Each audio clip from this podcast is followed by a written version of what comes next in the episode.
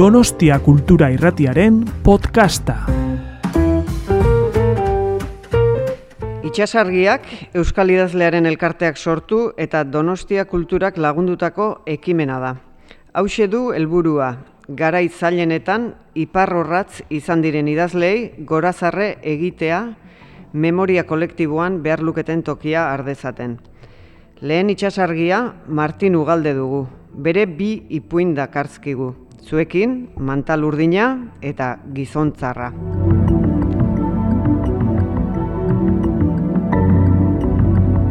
Bi hitz bakarrik, e, aipatzeko, hemen gauza asko aipatu daitezkela Martin Ugalderi buruz.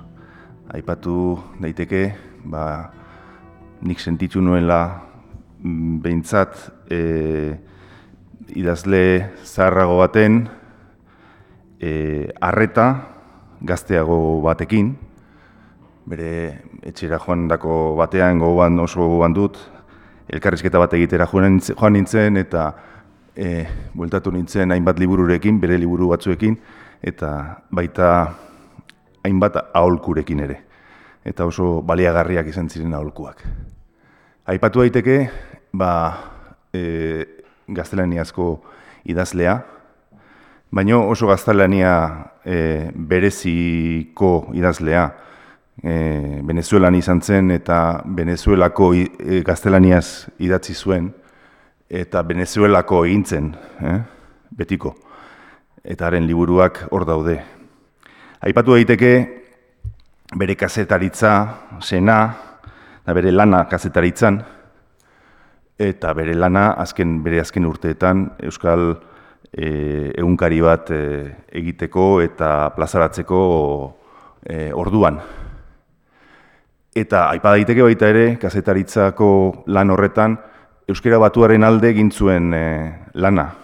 E, behar bada nahiko isila eta baino Euskara batuaren aldeko jendea e, elkarrizketatuz eta kontrako zirenak e, pixka bat e, e, tarteko bidea eginez. Baina gaur aipatu nahi duguna ipuinlaria da, eta ipuinlari ez e, nola nahikoa. E, Martin Ugalde ba, aurren aurrenetako ipuinlaria izan zen, bere lehen liburu, euskera idatzi zuen lehen liburua, e, batekoa da, hiltzaileak, eta ipuin liburu bat izan zen, e, gure ipu, e, ipuinlari zarrenetan modernonetako bat, ez? Aipatu daitezke baita ere txilardegi, aipatu daitezke e, Jon Mirande, aipatu daiteke Gabriel Aresti, e, Etxepare, aipatu daitezke, e, baina Martin Ugaldek nola baiteko batasun bat eman zion liburu bat ateraz hiltzaileak arekin. Eta bueno, horregatik aipatuko genuke, eta gaur e, ez hiltzaileekoko, baizik eta mantal urdineko, e, larogeita Laroita lauan argitaratu zen liburu hartako bi ipuin irakurriko ditugu.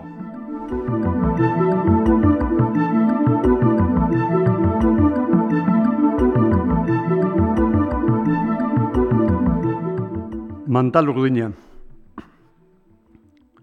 Sukaldeko ateatzean zegoen zintzilika. Mantal agunta zen. Urdinaga, urdin izana. Bergarako ari urdine zehotua edo zuriz eta tindatua, ezin esan. Baina gero, erabiliaren poderioz eta bustile horaz marguldua. Garbia hori bai. Etzuen amonak biztaz eta biztatxarrez besterik ukitzen. Senarra hilberria baitzen, eta ez gaixotasunez, zahar minez baizik. Etzion bamanta landi eta urdinarri eskrupuluz begiratzen, kutsatzeko beldurez, alegia senarrak enduzion gaitzaren kutsu hori, zahartasunaren eritasuna, aspaldidanik sentitzen baitzuen amonak ere berekin. Etzen hori, zera zen, e, baote daki adineak hainbeste makortu duen pertsonak zaharduratik zaharkeriara dagoen aldea bere izten. Noiz den, zaharkizunaren aberazasuna ardoak hartzen duenaren gisakoa eta ardoa, edo pertsona hori, noiz den zaharmintzerako bidean abiatua. Kanpotik erosoago ikusten dira zaharkeriak. Amonak horrelakorik bazekien ere, etzekien esaten. Senar baldartu zitzaiola, bai ez baitzegoen hori bizilagunen begiei eskutatzerik. Garbilekoan ikusten ez zutena, baratzean edo leioak zabaltzen zituenean kontatzen baitzizkioten defuntuaren alkandorak eta prakak.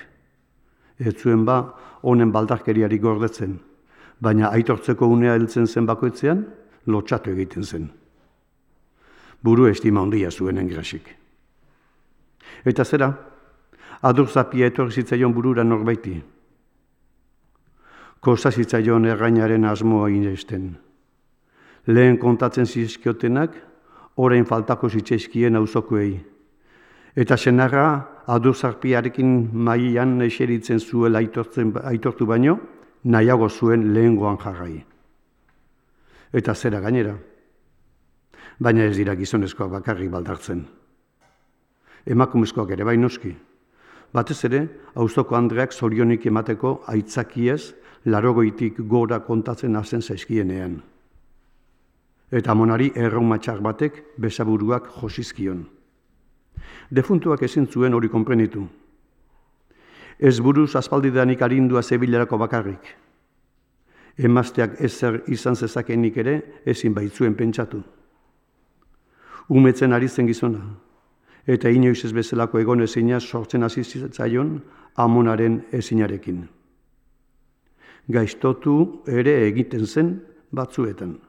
Eta honetan izan zen maitik altxa bezain laizzer, otordua eskatzeko seta hartzen hasi zen garaia. Ahaztu egiten zitzaion gizara joari janberria zela. Noski, senarre mazte arteko pakea gozaga izten hasi zen. Semea eta erraina eguberri bazkari batetan konturatzera ino. Semeak etzion aldaketari garrantzerik eman, gizona izaki baina erraina bai. Eta erraina, erraina izaki, honek bere alaga aixeki. Eta erabaki zuen, eta zergatik ez, amonare lanak arintzeko, aitak inagrebari, mairatzen zenetako mantal handi bat egin behar ziola. Ondia, baina zergatik aina ondia, eraso zion amonak. Gorgoiletik behera alkandara, prakak eta oinak ere estaltzeko adinakoa. Ez aldu behikusi goitik behera oinetaraino sopaz eta bestez dena garastatzen dela baldar hori. Zeure buruari egin behar diozu kontu. Ez duzu horren beste garbik eta egiteko osasunik alabai. Hau zen bilobarik emanetzion errainak erabiltzen zekien arma lehor eta iraingarria. Erantzunik ez zuen galdera. Engrasi isildu zen, beste askotan bezala, eta atxakia batetik gelera joan zen, bularrean sortu zitzaion lagaldiaren leherdura eskutatzera. Etzen agatzalde guztian mantal horretaz besterik esan. Emakumeek elkar ezagutzen zuten ondo. Astero egin oizio larun bateko bisita arte kezkati urduri geratu zen engrasi. Begiratzen zion hain langile bizi fina izan zen gizonari, maitresnak maitresnekin nahaztuta, hain dorpe, hain babesgabe, hain ahul eta zaurgarri. Hain zuen begirada inosentea, segiten zituen behatz, korapilotsu eta daldartsu haiekin alako dorpezia jaterakoan, negar malkoak irteten zitzaizkion. Astea horrela zijoala, amonaren urduritasuna handitzen gaixotzen beldurra jota zegoen osiralean. Ez zuen begirik itxi gau guztian. Eta larun bat goizean, argia lehiatilati sartu zitzaion jaikitzeko ordua heldu zenean, etzen hoeti jaikitzeko gauza. Min zuen bezaburuetan, azken aldi honetan bezala, baina orain, zangoak ziren mugi ezin zituenak, egurrezkoak bilakatu bailitzezkion. Xele, gizona, ua ere hor geratu zitzaion ondoan, urbilago ezin eta hitzik esan gabe. Aur bate modura, berez prakarik edo apretarik zuzen jasteko gai ezenez, emaztare laguntzarekin jaiki eta jasten zen egunero. Beldu zen amona, zenagaren aserreaz, petraltzen baitzen sarritan, otordua zirela batez ere. Baina ez, gizara joa isil-isilik geratu zitzaion, ondoan gozaririk eskatu gabe. Begiratzen zion noizbinka begiek ikusten ez zuten itxaso zaballa, dastatzen ari baliz bezala. Urrunean galdua. Etze mugitzen. Eguerdi aldean loak hartu zuen arte. Amone izututa zer egin etzekiela. Zenagaz baliatzea ezinezkoa zen, ez zion kasurik egingo. Bazuen esperientzia bat. Gau ez eman zion trombosis bat. Trombosis ark lurrera bota eta gelan ahospe utzi zuenean, etzen laguntza sinpleena ere emateo gauza izan. Emazteari argituta begira begira eta beroni inguruka pasa zituen orduak. Azkenean nekeak oherazi zuen arte. Eta eskerrak atea giltza zitzi itxi gabe geratu zela. Bezala, aldameneko haunstiniak goizean etorri zenean ez zuen sartzerik izango, izan zuen bezala. Eta amona engrasia usoko bigizonek oheratu eta sendagileari dei egin zioten arte. Amelibia, sendagilea, heldu zenean, xele oraindik erantzi, erantzi gabe oheratu zen bezala zegoen lo. Austin hila da agaz gero, joan den aztelen santuan usute bete. Bezala, aspaldi hemen zen. Aizpa bat bezala zen amonaren zat. Alakorik ez geratzen. Hauzoko emakumeak gazteegia dira eta amona bera da zahargia haientzat. Ez dute harreman handirik. Engrasik, senar alboan lo duela, entzun du beheko bizitzan ordulari joduen tanta lehor bakarra. Txak entzuten ari da, badakin orenak. Carmelo Bizarginak ekarri duen kotxearen zarata ere bai. Eta seme alabekin jango dituzen babarunen usainak, aragia perjitzean egiten dituen txinpart hotxak, aurren negarrak. Atea jodutenean, ez natua eginda. Lokarturik zen. Gaumaiko erlojuak esaten dio laurak eta amar direla. Semea izango da, erraina. Isili geratu da, ez daki atea giltzatuta dagoen ala ez. Belarria, belarri ona jarri da adi, zer entzun eta sentitu du krisketa. Kris, ket. Eta atea ez da zabaldu, giltzatuta dago. Xele, dio senarrari. Xele ez nahirik dago, ez adi, ez baitu ongi entzuten, eta ez da horretarako behar den ardurarik jartzen ere. Baina emazteak ahotsa jaso eta atea irekitzeko esan, eta eskuz gauza bera keinu bidez adierazi dionean, jaikizaio gizona isilik. Gantzontzilo luzeen pausoa nauk, nahiko baldarra da, baina kris-kras ireki du giltzazatea, eman dio krisketari eta aterik zabaldu gabe hemen dator ahalduen azkarren aur bat legezoera. Eta engrasiri oean sartu aurretik senarra semea ikusi du ate bornuan. Argi gutxi dago, lehiatilaren txirrikitutik sartzen den apurra, eta oean dagoenak baina gehiago ikusten du atean dagoenak baino, argitatik baitator. Ama, esan du prontxiok, oean gaude seme, sar zaitez. Semea sartu da emazte atzetik duela, honekin ireki ditu lehiatilak. Prontxiok amari musu eman diola ikusi du errainak.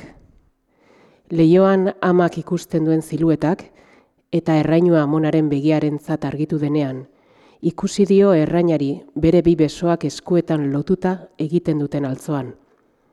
Ez engrasiria inbeste faltazaion biloba, tolestuta dakarren mantal handi urdina baizik.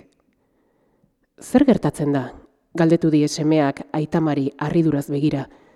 Laurak joak dira, amaren begiak mantal urdinari begira.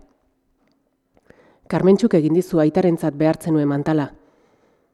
Bai, hor dakusat, Enago ondo seme, ezin ditut zangoak mugitu. Zendagileari dei egin behar diozu. Aitak ez du gozaldu, kafesnea berotuko bazenio. Xele, bisita arrotzari harriduraz begira. Semeak atximurtzen dizkionean sentitzen dituen grasik zangoak, baina ezin igiditu.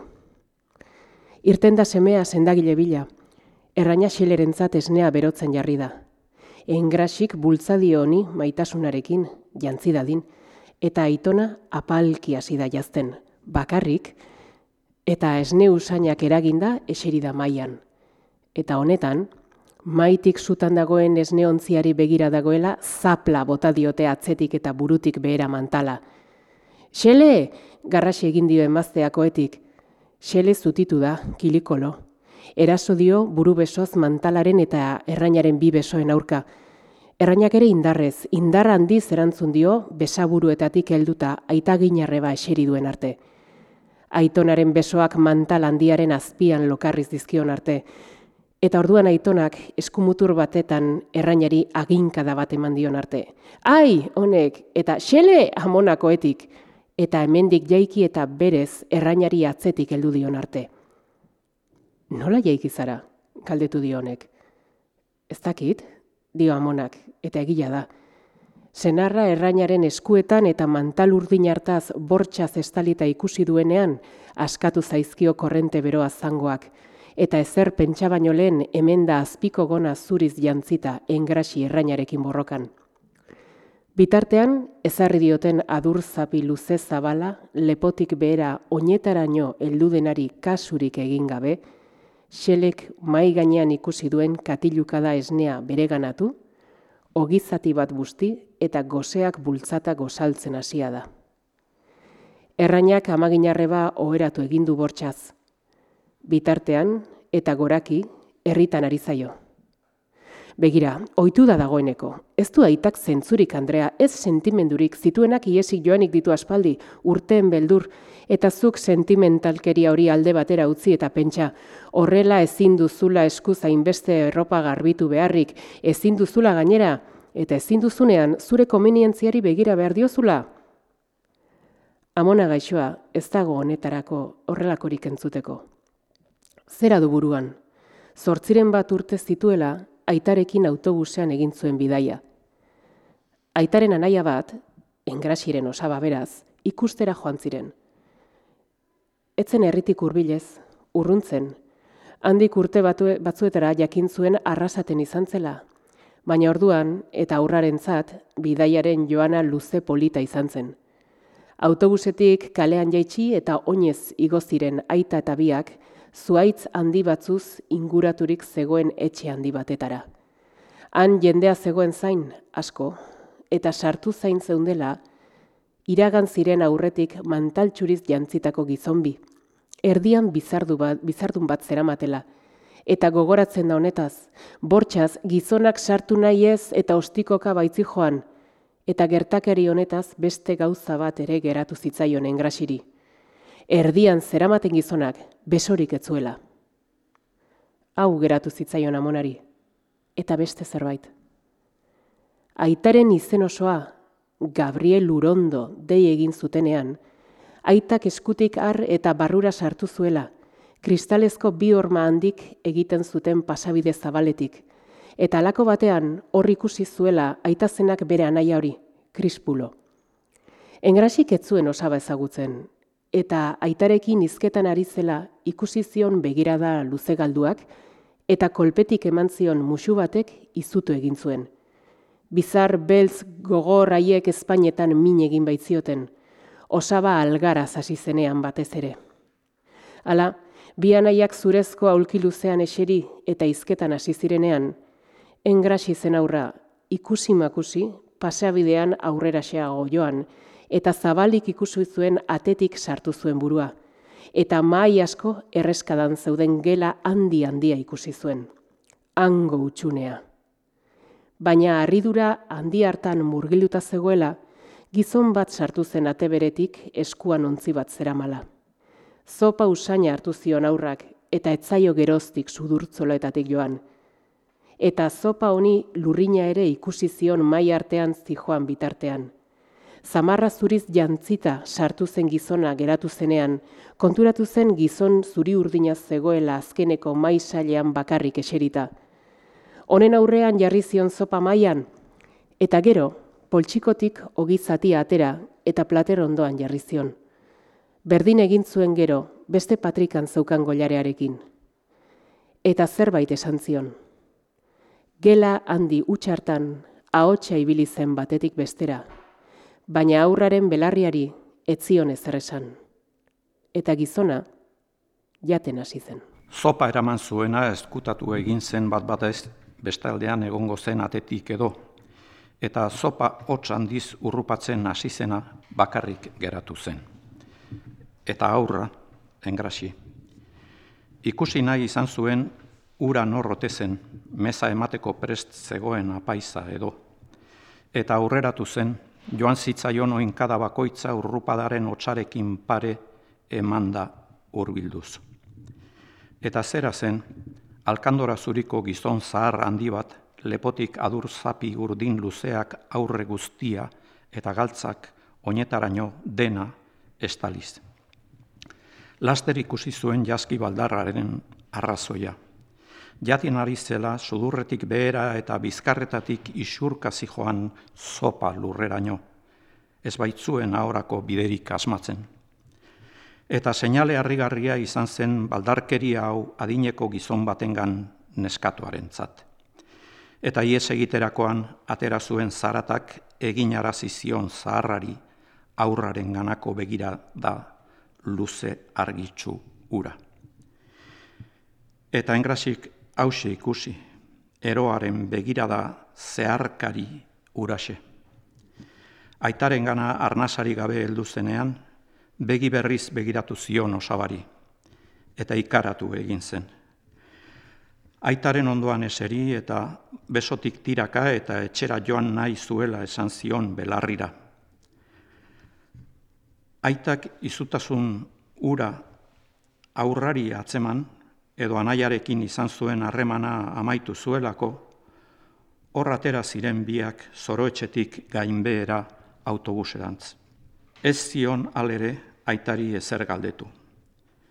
Damu izan du geroztik, aita laister hilba izen. Eta ez zion beste inori etxean horrelakorik aipatu, beldurtzen egin zuen bidaia harrigarri hau ametsa besterik ezer izan ote zen beste gauza batzuk nahastuak dituen bezala. Austinari galdetu zion behin, ezinbestez. Eta honek, gasoa, lasaitu zuen esanez hori egia besterik ezin zela izan, ea osaborren berri gehiago ba zuen. Eta engrasik baietz esan zionean, aita hil eta gero etxera bisita egitera etorri zela. Hori egi egia dun orduan. Honelako zen austina, naparranekoa, hernanin, aita nafarra bai zuen. Nola nahi, arrezkero ezin du mantal urdinik ikusi, izu bera sentitu gabe.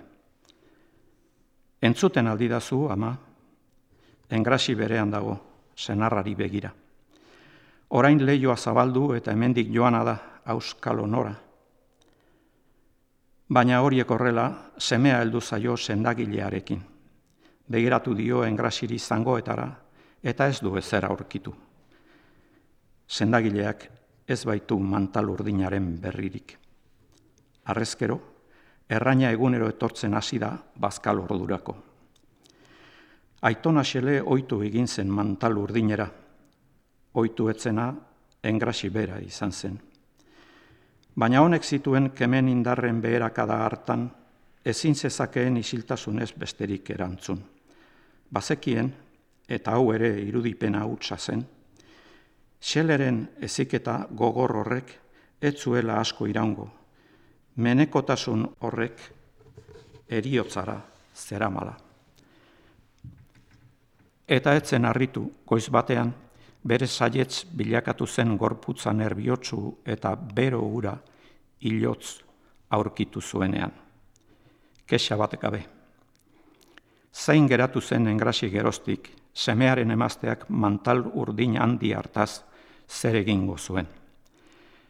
Etxera eraman zuen, garbigailuan berria bezala geratuko zela eta. Hala ere, lisatzea gehiegi irudituko zitzaion errainari eta zimurtua ekarri zuen. betiko lekuan zintzilik jarri zuen gero. Hor dago, badaki bai, mantal urdin hori bere zain dagoela. Egunero begiratzen dio, distantzia beretik. Semeak, asteroko leloa. Ama, bakarrik ez zaude ongi, zatoz gurekin bizitzera. Karmentxuk ondo zainduko zaitu. Baina ez, nahiago du xele hiltzen oe berean. Eta agian ura bezala, doi-doi, inor nekarazi gabe, hilik geratu. Bitartean, ordu horren beste korrotatzen duen mantal urdina bere mende, eta ez aitzitik. Gau batez, eta amets txarrak eraginda, jaiki zen, irurak ziren oraindik. Mandal urdina hartu, gero guraizeak gau maitik atera, oean sartu, burukoa bizkarraren euskarri duela eseri, eta aurrena luzeran erdi-erditik ebaki zuen, bide luze horretan geldialdi batzuk eginez. Neke handiko lana izan zen engrasirentzat. Zatietatik bat apartatu zuen, eta bestearekin lehen egindako lan bera egin zuen, arnazestuak laga zion arte. Nekea eta mina sentitu zuen atzetan. Ezkerreko eskuan geratu zitzaion zati luzea alde batera utzi, eta beste horren beste egin zion besteari guraizeaz, gero eta neketsuago eta baldarrago. Ama izerditzen ari zen. Alare, ez zion lan neketsuari utzi nahi izan mantalurdin madarikatua txikitu arte. Ari zion gorrotoak eraginda nekearen nekez lokartu arte. Leiatiletako zirrituetatik loa aurkitu zuen egun berriaren argiak amona engrasi, zatikatu zuen mantalaren zatitxoaz inguraturik. Oearen azalzuria izar urdinez betetzen alegindu balitz bezala, hortzeak gainazpi egin eta inozentziaren zeru zurian izar urdinak piztu balira lez. Elektrargia piztua zegoen anartean, engrasik ez zuen itzaltzeko astirik izan – ez da betaurrekoak kentzeko ere. Mantal urdin zatarrura txikitzeko lain besterik ez zuen izan. Gero, beretzat hartu zuen loak betiko.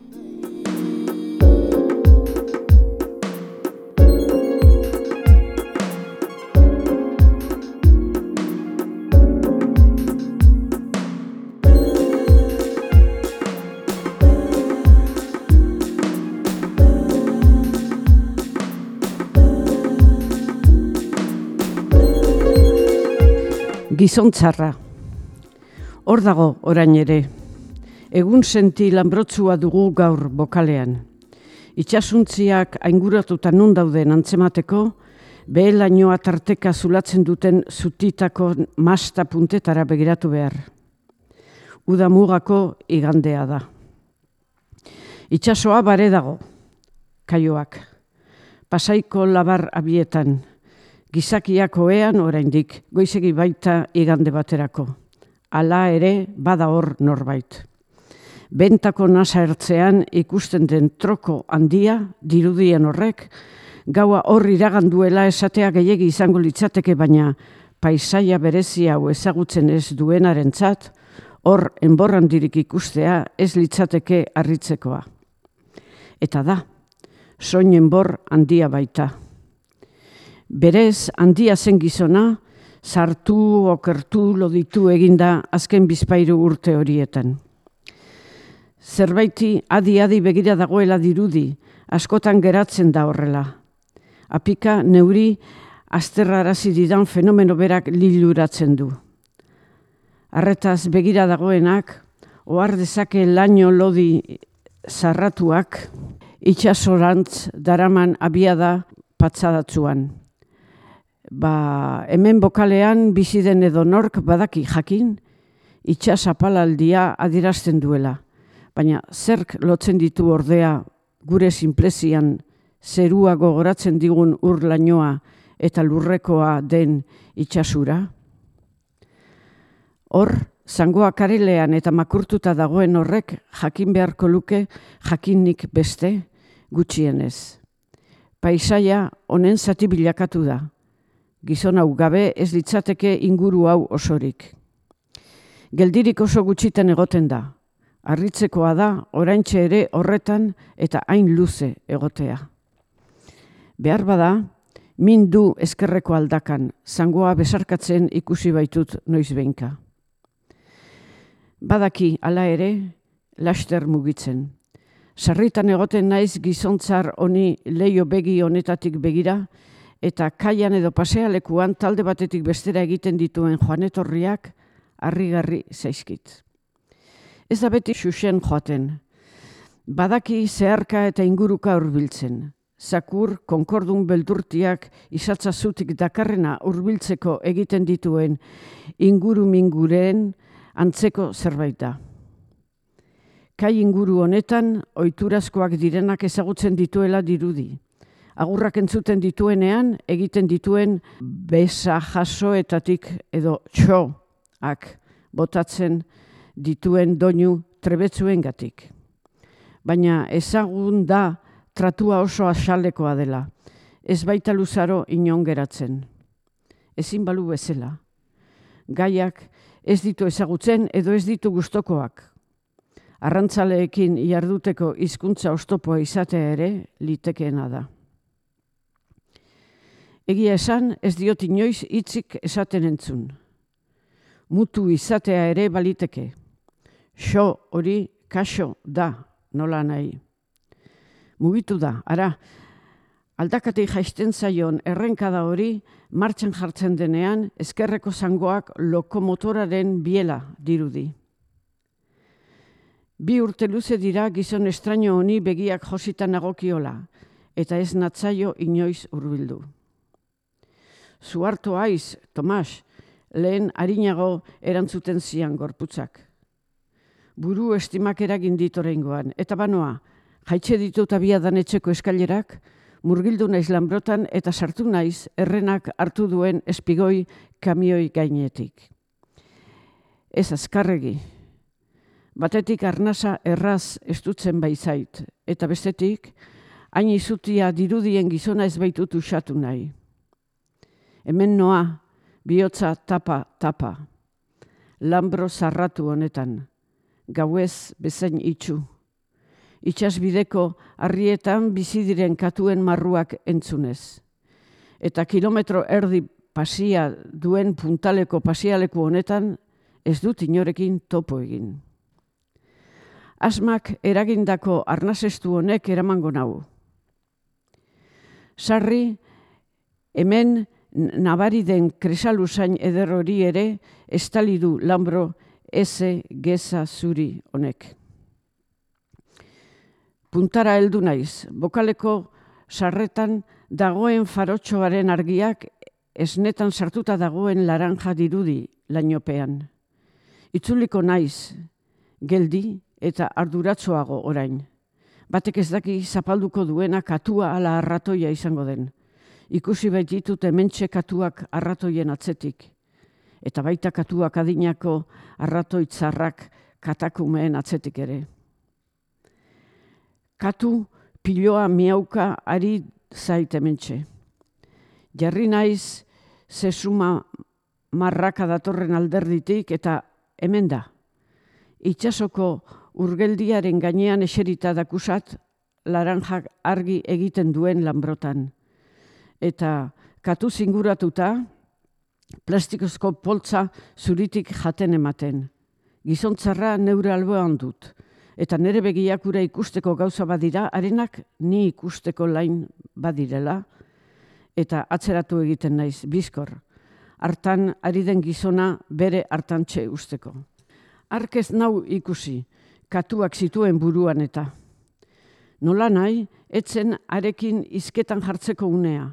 Etxerako bidea hartu dut, buruan dut, zango aldrebes horrekin arridi horretatik behera jautzi eta ito egingo, den, egingo da egunen batean. Eguzkia, lainotartean egiten ari den lanari begiranoa. eta neure buruari galdezka zer jan moeta ematen ari ote den katuei. Katua, nik neuk ere bai baitut angorako edar bat. Igo ditut laugarren bizitzara arteko eskailerak eta jarri naiz berriz ere lehioan. Orain dela ordubeteko inguru aldatu da.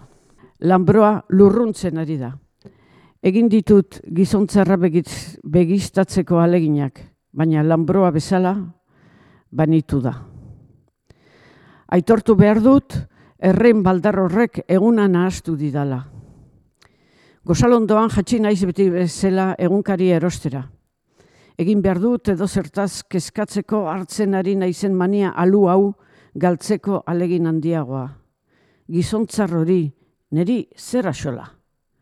Baina neure buruak nahi bezala, etxeko besalkian egunkaria lasai irakurtzera joan beharrean, ara nola zangoak pasealekuko aulkian eseritzera naramaten. Zergatik ordea. Aspaldion, buruak ona zangoak ara eta viceversa. Hau latina duk. Eta zergatik, baneki, jarri dut egunkaria ulkian eta zeharka eserita ari naiz kristal lodiko betaurrekoak tarteko, titulare nagusiak begiz pasatzen. Arrantzaleen kinka urduri garria dela eta albiste bat irakurtzen hasi ere egin naiz. Komeni baitzait eguneroko lagunartera argudio biderik eramatea. Baina nere aurretik ondartze bidean hasi den jendearen abia da, marmarrak eta begiztatu gabe, nahi gabe, ikusten ditut oinak zapatadunak, sandaliadunak, gizemakumeen galtzak, emakumeen bernak, denak errenaren oin handi eta baldarraren bila hasiak ditut. Eta ez dut nik xelebrekeria honetan jarraitzeko adina. Bakarrik eta bakean bizinedin egin nuen onerako itzulia. Ez dut gainera, honetan jartzeko kemenik utzi egunkariak gezurti hau belaunen gainean tolestatua eta jarri naiz aurrez aurre inguruan dudanari begira. Kezkaren hasi honi aurpegia ematea hobe. Eguzkia larrun tontorrera abiatu da aspaldi, amarrak izango dira. Berotzen hasia da eta ibai handi bilakatu da ondar itsasorako egarri hau.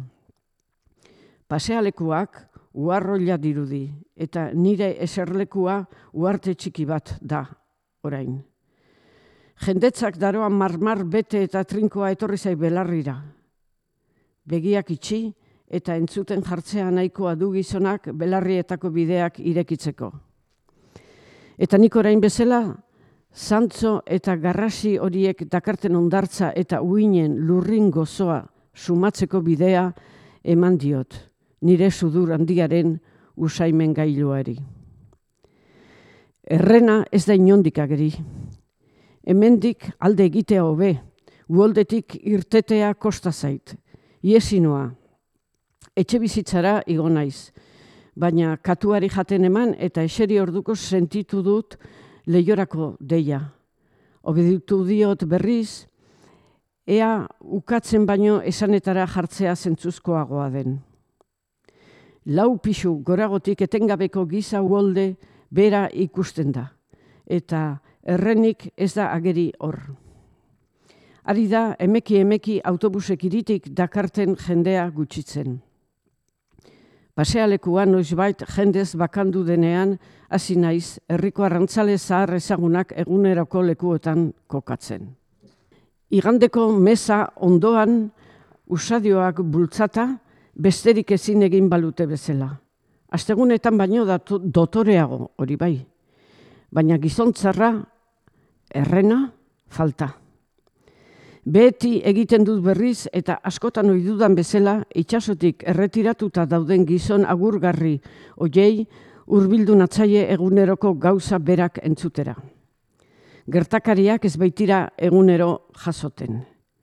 Periko kupela izketan ari dela, sartu naiz karelean eserita dagoen patxi albistur, begi urdinen bazterretik, nere agurra egin eta zer entzun. Oitura santarrau lagan ezin. Baina, tira, ez da politika, apaiz jaunaren sermoia baizik, korapilo batzuk gora bera.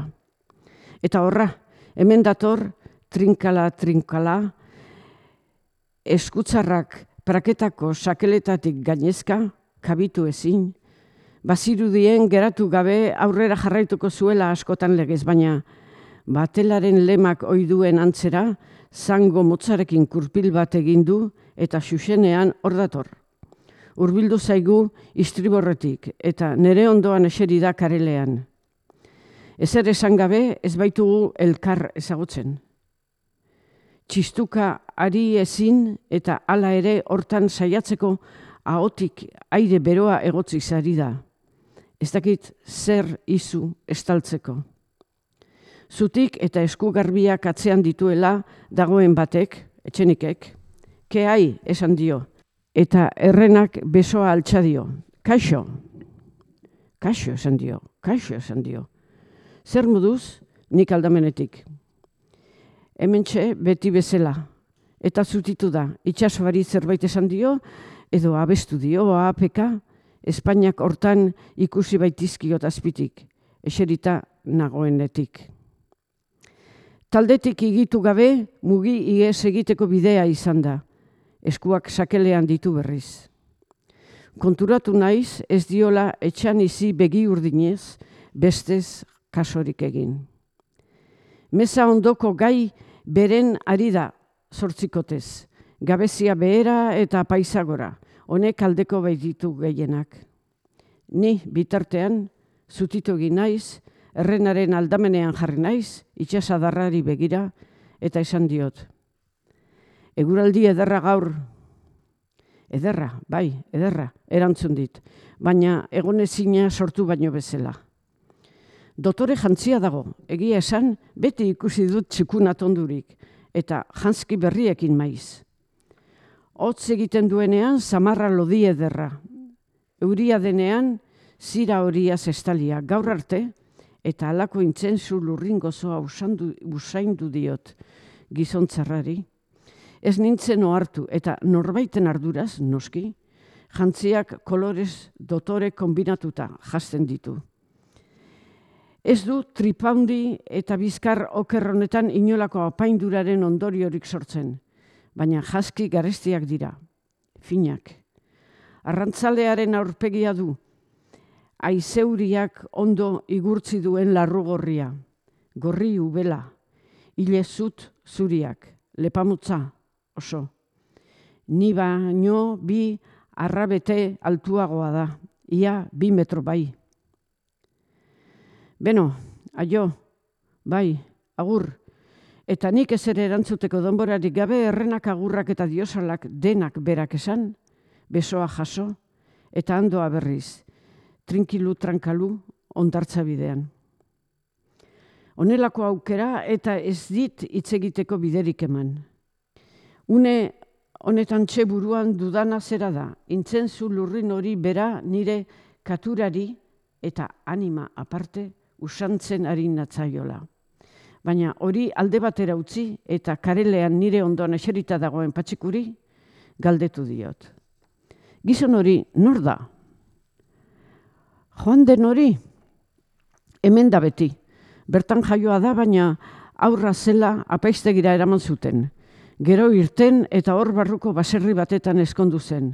Lehortar bilakatu da. I, Jose, errena norden galdetzen dik hemen lagunak. Hori ez da hemen bizi, baina egunero da hemen. Nor? Errena? Taldeko gaia aldatu da. Hori, espigoiakatuz betetzen ari den gizontzar baldarra. Bai, goizean eguzkia baino lehen hemenduk, bestela ez ditzateke egunik zabalduko.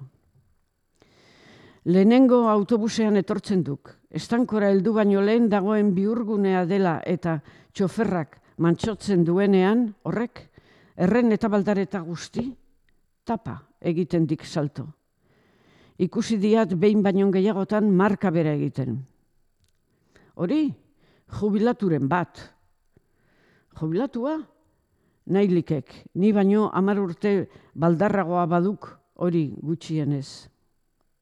Beno, dio patxik, hasi duen kurpilari amaiera emateko bezala eta iritzia neuri eskainia orain.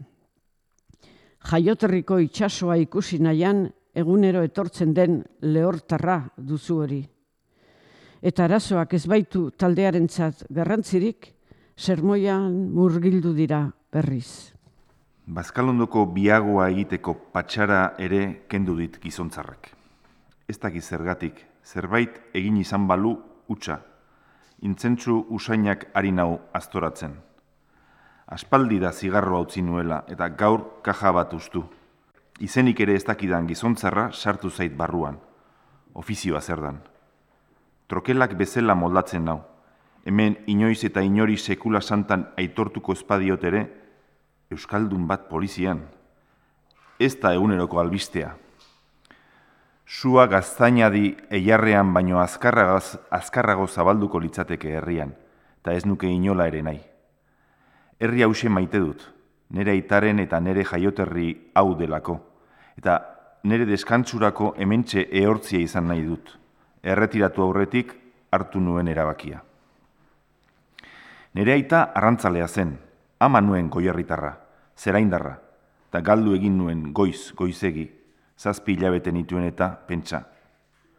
Izketan bakarrik jarri aiz, Tomas. Bai, Tomas izan da nire izena arrezkero.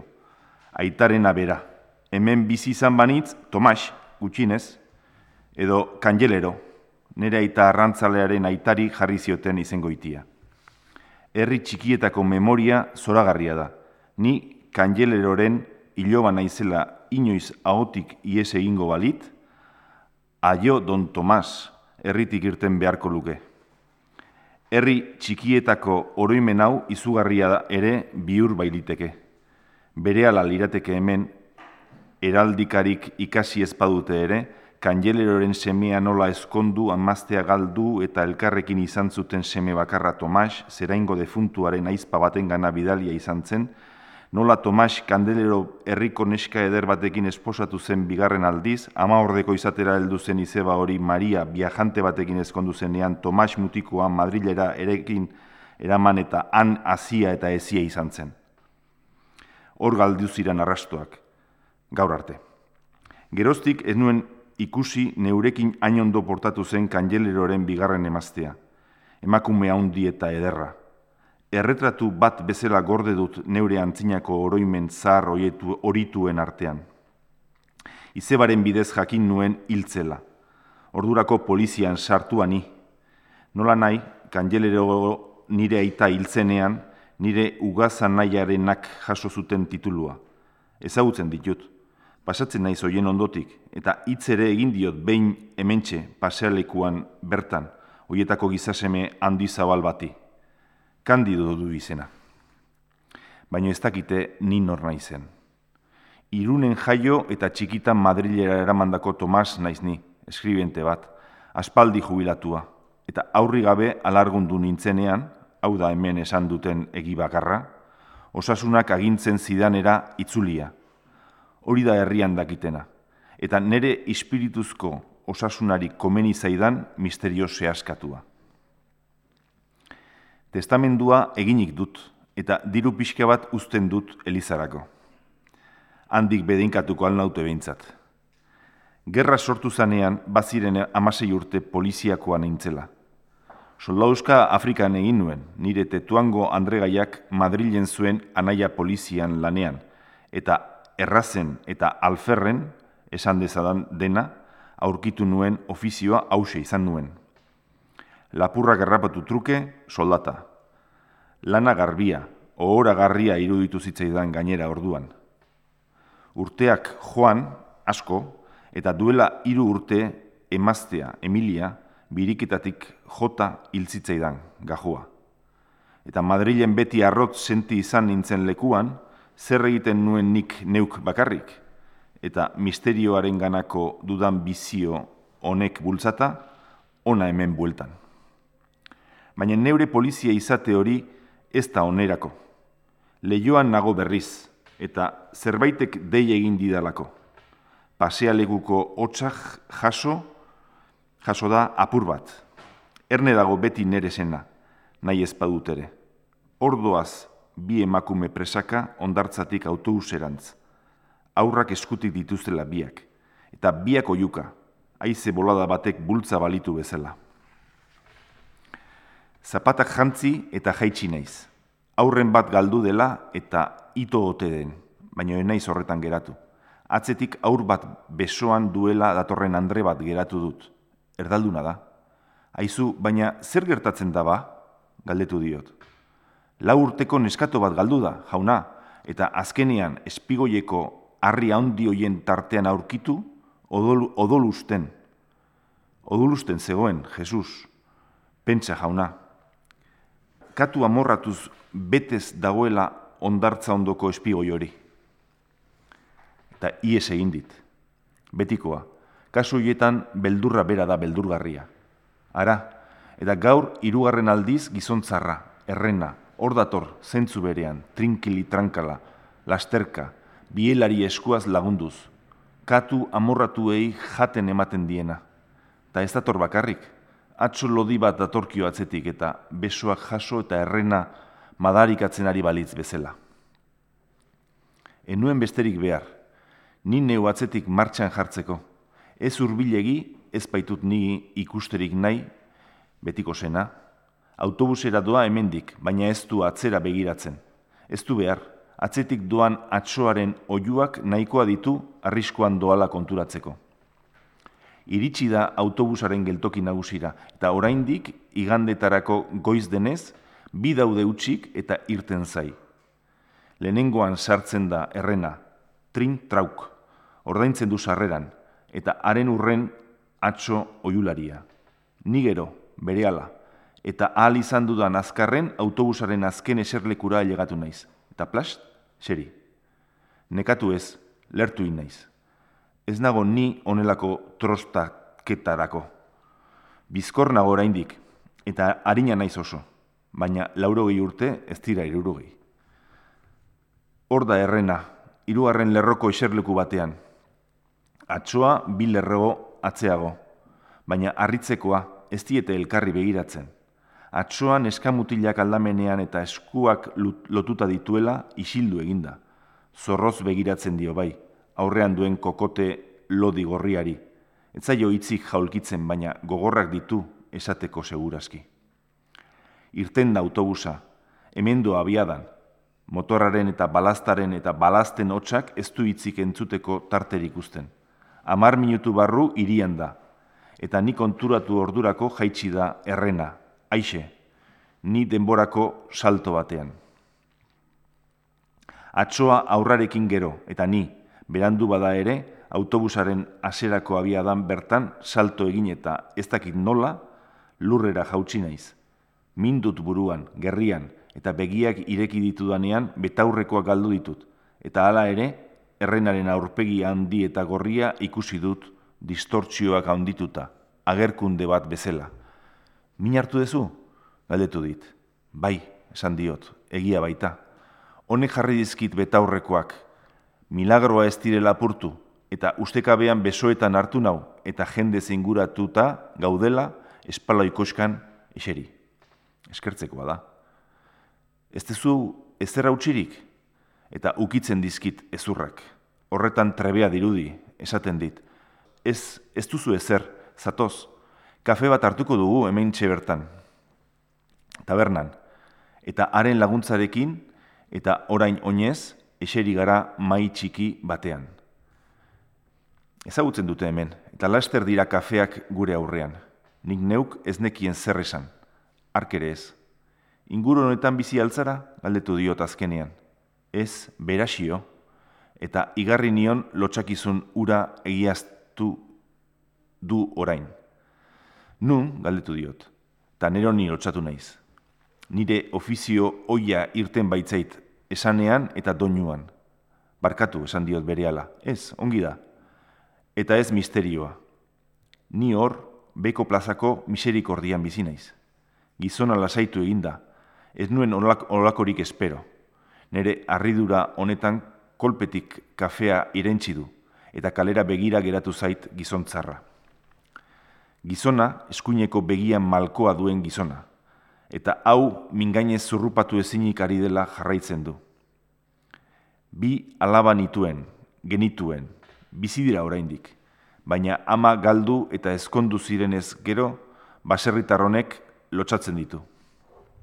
Enin duten etxean nahi, eta apopiletxe batean jarri ninduten hemen, irian, ezagutzen ez gaituzten lekuan. Eta baserria, nik mingainari koske egin diot berriz. Saldu egin zuten, saldu. Ez alabek berek, hoien senarrek baizik. Nik neuk paperak firmatu egin dituen besterik ez. Ala, ni apopilo nengoela izan nuen ezpearra. Kamioi batek pasan ninduen gainetik. Hementxe, aurrera xio, eta hautsi zidan aldaka, eta ospitalean, miserikordian, egon nintzen sendatu arte. Nien naiz inoiz hain gustora eta bakian aurkitu. Eta hala bertan geratzeko eskubidea nuen ez, han dut oea eta han ematen dizkiate otorduak. Ez dut gehiago behar. Eguna handi kanpora pasatzen dut. Zuk ezagutu nauzun lekuan. Hori da nire askatasuna, itsasoa. Errukietxea egun osoa hor pasatzeko tristegia baita. Argatik ditut katuak maite. Zuk katurik baldezu? Galdetu dit irripar apal batez. Aur bat dirudi. Ba bai, esan diot, arekin bizi naiz. Lagun oberik ez duzu, konturatzen altzea zenbat katu ikusten den zaharren etxeetan. Talabak, ez dut barkaziorik. Alabarik, ez ditut ikusten. Jazkiak ekartzera etortzen dira noizbinka, zer derizkiozu? Monja baten lagun egin dira eta honek esan dit, zer jantzi. Beti txukun ikusiko nauzu, hori bai. Alabek, aita apain jaztea nahi dute. Zer diozuzuk, nik adina urte badituzuta, nik ez dute zer esateko adizkide, nola deritzazu? Nik, balendin, zuri zerbitzatzeko. Ba, ez dute zer esateko hortaz, balendin, eta lotxatu naiz orain. Nik neuk ez dut inor manten usari bat ematen diate. Hau da, geratzen zaidana. Ah, eta angorako katuzar eder bat. Baditu amar urte. Egia esan, pentsio hori jasotzeko egindakoak ez dira arrotzeko. Etzait katu hori eta bakardadea besterik geratzen eta mania batzuk. Eta beste gauza bat, balendin, zurekin bat nauzu, nik neuk ere katuak maiteago ditut. Lagundu dit autobusera eta etxeratu egin naiz, behar nuen eta. Urrengo gunean, atzo, ezurretan nuen min eta eskuineko aldakan, balendin gogoratu zait. Egon nintzen, lehioti begira ea ikusten oten nuen, bakarti pasanuen eguna, beste inor ikusteko gogori gabe. Ez nintzen eguneroko tertuliara ere joan. Katua bera, Celeste, nire Andre difuntak jarritako izena, urdinska baita, ez zitzaidan goizean ohi duen bezala ohera etorri. Ez da ondo, gaur goizean berdin gertatu baita. Orain, ogi erosterakoan, gehien maite duen jan moeta erosiko diot garestia da, baina ea gaur jaten duen. Eguraldi eder honetaz baliatu behar dut ezurrak apur bat berotzeko. En naiz atzo bezala etxezuluan bakardadean geratuko. Laster lizuntzen baitzain neri harima. Eta hala, balendin ikustea ere baliteke. Gozaldu dut, zelesteri utzi diot jana betiko lekuan ea gaur bizkortzen den, eta jaitsi naiz kaira. Goiz oraindik eta eseri naiz eguzkitan dagoen aulkian. Gozoa da zaharrarentzat goiz-goizeko eta arratsapaleko eguzkia. Ari jo, esan dit pasaden erbaitek, eta esnatu egin naiz. Ari jo erantzun diot berandutxo bada ere. Zutitu naiz. Zangoek ez didate bestetan bezala erantzuten, baina banoa, han daude betiko arrantzale erretiratuak. Don Tomas, dei egin dit patxi albisturrek, ni heldu baino lehen. Baldakizu gizontzarrura, zuk eren egun hemen ikusi zenuena, bai? Ito egin atzo. Ezin daiteke, diot neuk. Eta patxikuren ondoan eseri naiz, ezin du sinetxi. Eta nola? Katuek, katuei jana ematen ari zitzaila jautsi eta buruaz harri ertza jo zuen nunbait. Atzo goizean gertatua. Hori, zera, zuk ez duzu ezagutzen, baina kanjelero deitzen dutenaren anaia zen.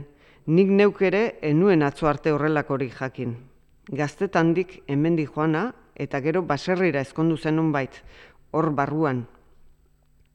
Isila zen gizona, apenas anai artekorik gorde zuten.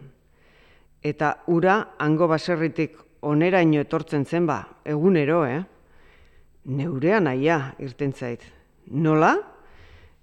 Ez, autobusean etortzen zela, erantzi diot, neure xuxurlan ies egindako aitortzari, orain goraki, igandean hemen aitatu bezala. Alaxe, nola, nola baitil behar duguta, esan dut pena ezin gordez. Periodikotan ere jarri omen dute. Laister etxeratu naiz, ez dut geratzeko triparik izan etxera sartu eta berehala nabaritu dut hemen sartu zaidan balendinen intzentsu saigo zoura. Zelesteren abera. Baina katua ikustera joan naiz. Hau ere hilko zaidan beldur naiz orain. Balendin datorkit burura beti. Apaina apain egin eta kai inguruko uretan puztuta, hila, itxasoko zeru parkean piztuko dena, alaba da, eta ezpada, axola gutxi balendini oheratu egin naiz. Katu hartu du neurekin, bihar goizean etortzeko gauza ez izatea balitek eta.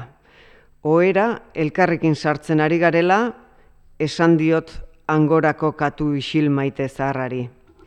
Zeleste, espigoieko katuak gehiago arduratuko dira eriotza horretaz, nire anaiaren bi alabak baino.